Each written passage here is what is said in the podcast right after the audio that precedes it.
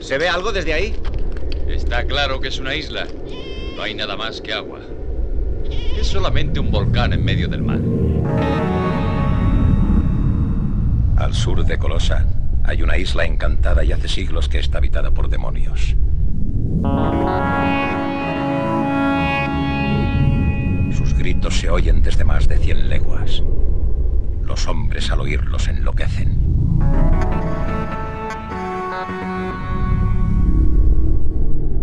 Si es lo que creo que he visto, es el mayor descubrimiento del mundo. Hace muchos años oí esa leyenda en el río. Aceptamos esas leyendas como tales. Ah, Esto no es una leyenda, como muy pronto verás.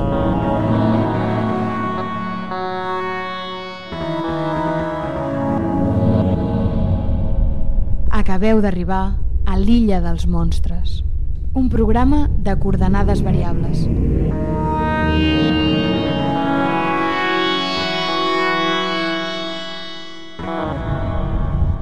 Molt bona nit i benvinguts sigueu a l'Illa dels Monstres. Benvingudes sigueu al tercer programa d'aquesta quarta temporada, un programa que emetem, com sempre, des dels estudis i des de la sintonia de la nova ràdio de Reus. Al menú d'avui hi tenim tres plats, tres grans blocs. Eh, començarem amb una varietat de novetats discogràfiques que giraran al voltant tant de la psicodèlia més sideral com del post-rock i del post-punk més foscos i crus. Parlarem amb els responsables de l'AM Fest i també escoltarem alguns grups que tocaran en aquest festival que se celebrarà al mes de novembre, si tot va bé, a Barcelona amb propostes, com sempre, molt a la línia del nostre programa. I finalment tancarem amb la secció Territoris d'Ultramar, on avui saldarem un compte pendent des de fa molt temps. Ara que ja sabeu què us espera, els que esteu disposats a quedar-vos a l'illa durant la propera hora, és moment d'obrir foc. Aquesta boira infernal. Estàs segur de la nostra posició? Sí, senyor. Ahir a la nit, abans de la boira, ho vaig veure clar. Hauríem de ser prop de l'illa. Si no la veiem quan escampi, ja no la veurem. La primera parada del programa d'avui la fem al Canadà, la meca dels grups i els col·lectius experimentals de noms llargs i amb molts membres. D'allí són els The Band Whose Name is a Symbol, una formació de sis músics que porten creant música des del 2008 i que des de llavors, atenció a la dada, han publicat 27 discos d'estudi i 10 discos en directe, una autèntica animalada. De fet, aquest 2020 han tret un parell de treballs, el primer dels quals es titula Berserkir Volume 1, un disc que és bàsicament una sessió d'improvisació gravada en una sola presa i dividida en quatre cançons carregades de psicodèlia, kraut, space rock o, com en vulgueu dir, del que fan aquests canadencs. Escoltarem la primera d'aquestes quatre parts, el primer tram d'aquest viatge psicodèlic, una peça titulada Gabro i que, si n'hem de destacar alguna cosa, és la presència d'una trompeta que ens ha fet enganxar del tot a la proposta dels The Band Whose Name is a Symbol.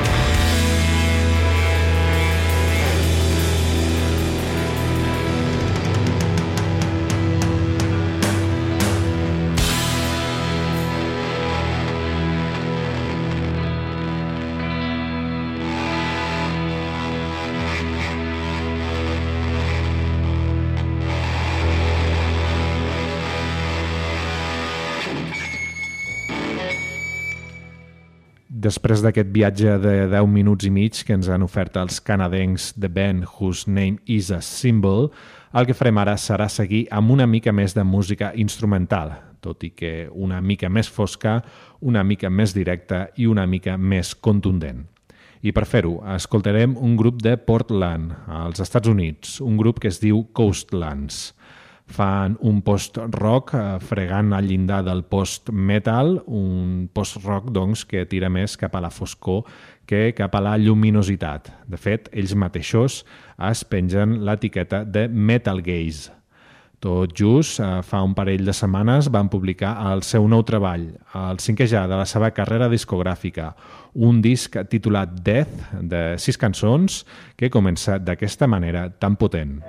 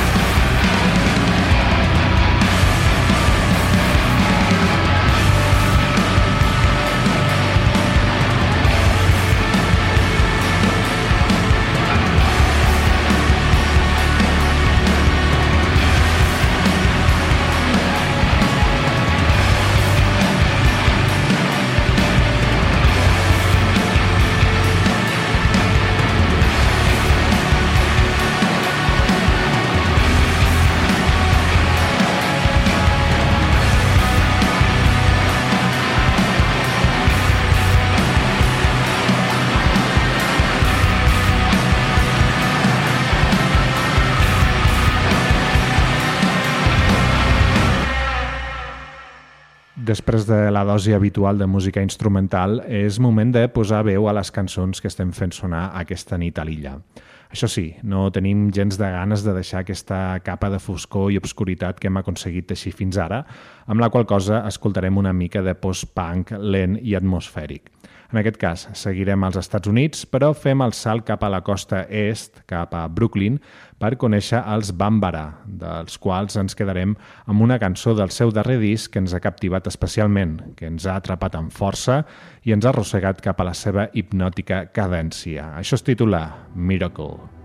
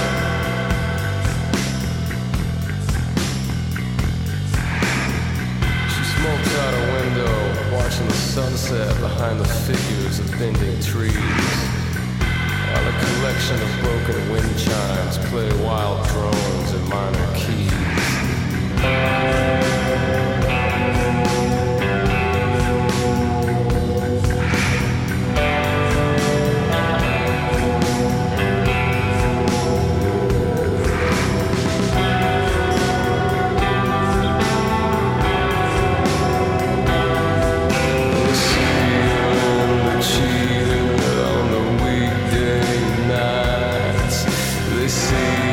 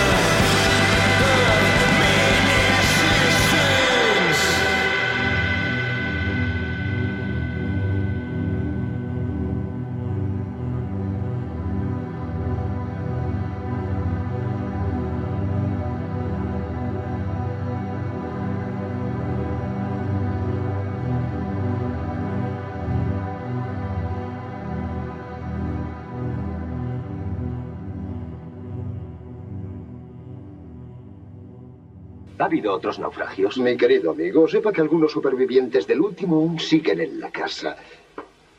Se diría que la isla está maldita. Eso mismo dijo el capitán. Pero él la creía deshabitada. Nosotros, los cosacos, nos inspiramos magníficamente en la soledad. Pues ha sido una suerte para mí. Mi casa és suya, senyor.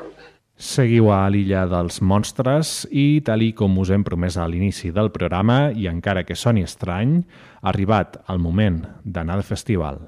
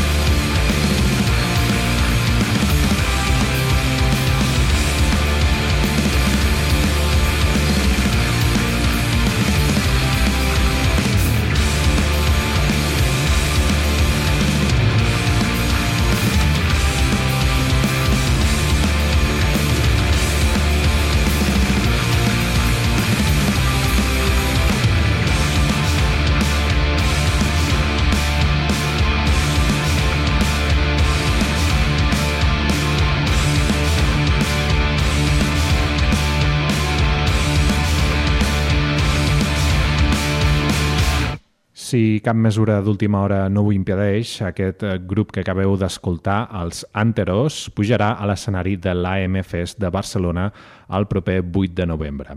Tot i que ens hem quedat sense sales de concerts i sense bona part de les actuacions en directe que estaríem disfrutant si no estiguéssim immersos en aquesta distopia cultural en forma de pandèmia, encara hi ha propostes de música en viu que aconsegueixen treure el cap i sobreviure. És el cas de la M-Fest, el festival que des de la seva primera edició, l'any 2013, s'ha convertit en el màxim referent a Catalunya i també a l'Estat en el camp del post-rock, el math, el noise, l'experimentació i, en definitiva, la gran majoria de gèneres musicals que sonen habitualment aquí a l'illa.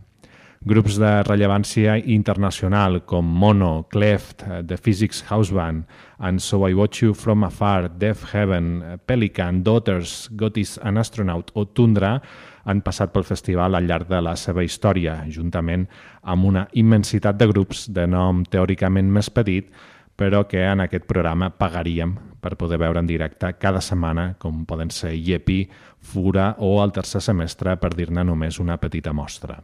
Amb tot això sobre la taula, per aquest 2020, la MFS tenia preparat un cartell que des de l'organització asseguren que hauria sigut el més bèstia de la seva història. De fet, van estar a punt de presentar-lo al mes de març, però l'estat de pandèmia ho va impedir. Així que ha tocat reinventar-se i confeccionar una nova programació amb les limitacions actuals. Un cop assumida la nova realitat, des de l'organització del festival van tenir molt clar com seria el cartell d'aquesta edició de supervivència que se celebrarà del 6 al 8 de novembre. Ens ho explica el director de l'AM Fest, Sergio Picón. Des del primer moment doncs, tenia bastant clar quina seria la programació i quins grups podien formar part. Eh, realment es queda molta, molta proposta fora. Eh, crec que a nivell nacional doncs, tenim ara mateix un, un planter de bandes molt bèstia i, i això és un petit tast eh, que està molt guai doncs, que sigui a dins de, dins de l'AMFest. Són nou propostes i crec que representen bastant bé doncs, el que hem fet sempre a l'AMFest a nivell estatal, no? que és doncs, portar grups una miqueta grans que actuen com de caps de cartell i al mateix temps portar propostes de grups que estan fent molta feina o estan traient segon disco, tercer disco, amb propostes de sons modulars que compartim sempre amb la gent de Befaco i també amb propostes totalment noves i arriscades. Si us sembla, fem una repassada ràpida al cartell a aquests nou noms de la MFS d'enguany. El festival comença el divendres 6 de novembre amb Ambient i Escrimo a càrrec dels barcelonins Yur, de la música basca Sara Zozaya i dels cordobesos Viva Belgrado. El dissabte dia 7 serà el torn de l'electrònica de Lina Lab, del math progressiu d'uns habituals del programa com són els Jardín de la Croix i del metall dels Obsidian Kingdom, que presentaran el seu flamant LP Meat Machine. Finalment, el diumenge 8 de novembre, tancaran la M-Fest a tres grups de Barcelona. Les Morina, que és un duo de noise, els Guiosa, amb el seu post-hardcore, i els Anteros, que els hem escoltat fa una estona.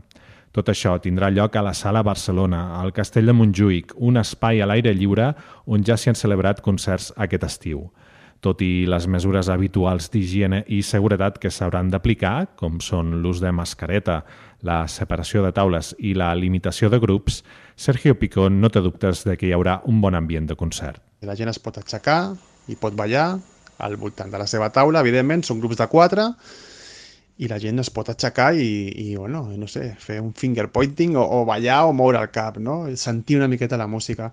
Llavors això fa que l'ambient allà al castell sigui evidentment no el d'un concert com estàvem acostumats, però eh, és un ambient maco. Ja, no sé, jo vaig notar com, com una energia ben xula i, i potser sí que tindrem una mica de fred perquè estarem al novembre al Castell de Montjuïc, eh, això és bastant evident, però com podem ballar, doncs, bueno, jo crec que sí podem entrar una miqueta en, en calor.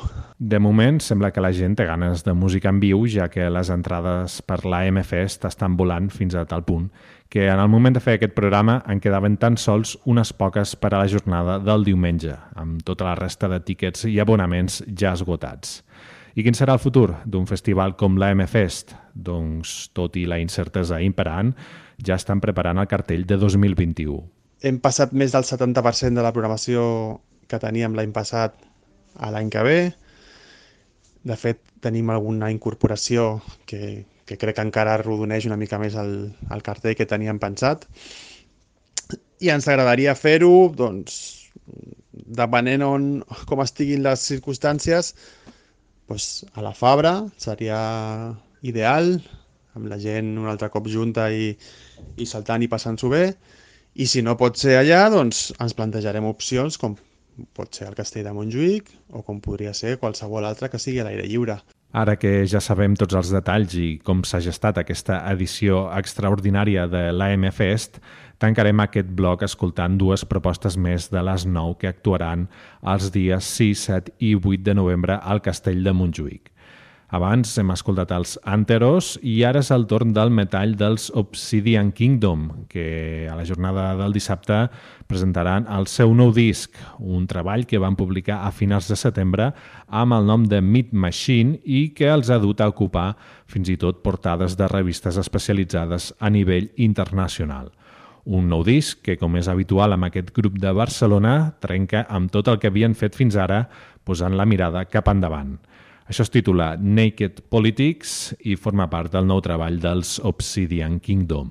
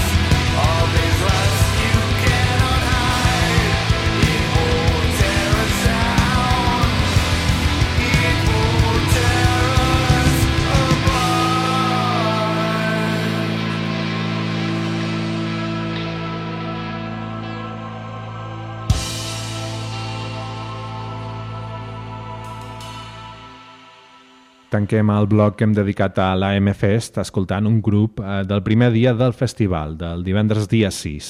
Es tracta d'una proposta de música atmosfèrica. És un altre grup barceloní, un trio, que diuen que fan escapisme sonor. Es diuen Your, escrit I-O-U-3-R, i seva és aquesta cançó titulada The Ju.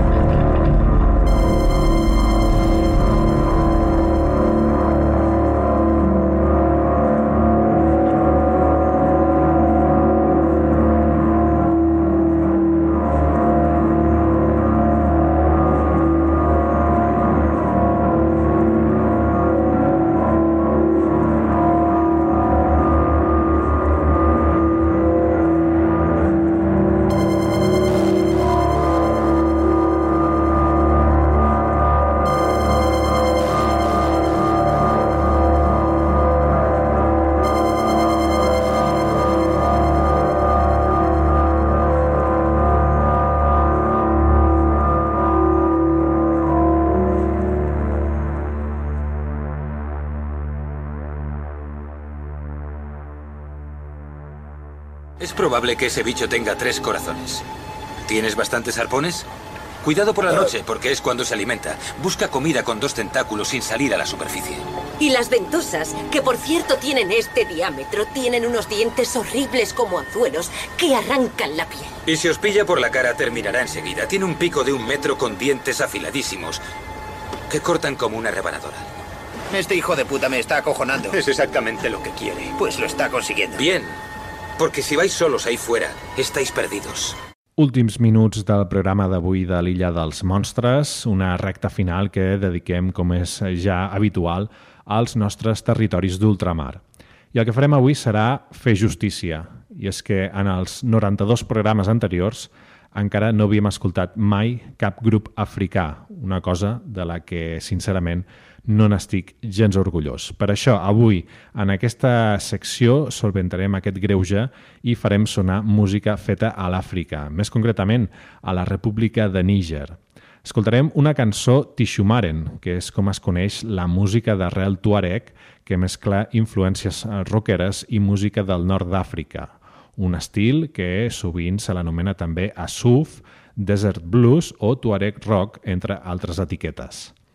En principi us volia posar una cançó de Mdu Mokhtar, un músic nigerí força conegut fora de les seves fronteres, aprofitant que fa uns dies va estrenar una nova cançó.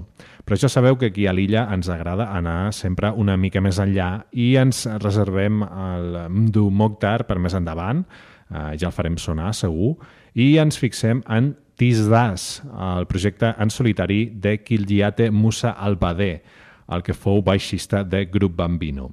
I qui són els Grup Bambino? Doncs un grup eh, format a Níger a finals de la dècada dels 2000, liderat pel tuareg Omar Mokhtar i que, segons llegim, eh, fan eh, o feien cançó protesta inspirada en els moviments rebels del poble tuareg en contra dels governs de Níger i Mali.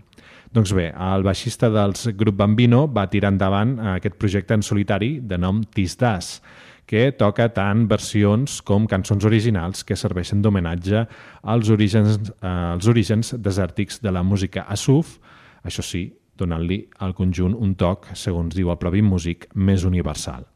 Així que us deixo amb el so del desert, amb el so dels tuaregs, amb el so de Níger, amb el so de Tis Das. Ens retrobem d'aquí a dues setmanes, d'aquí dos dimecres, com sempre, a la sintonia de la nova ràdio de Reus. A reveure. Thank you.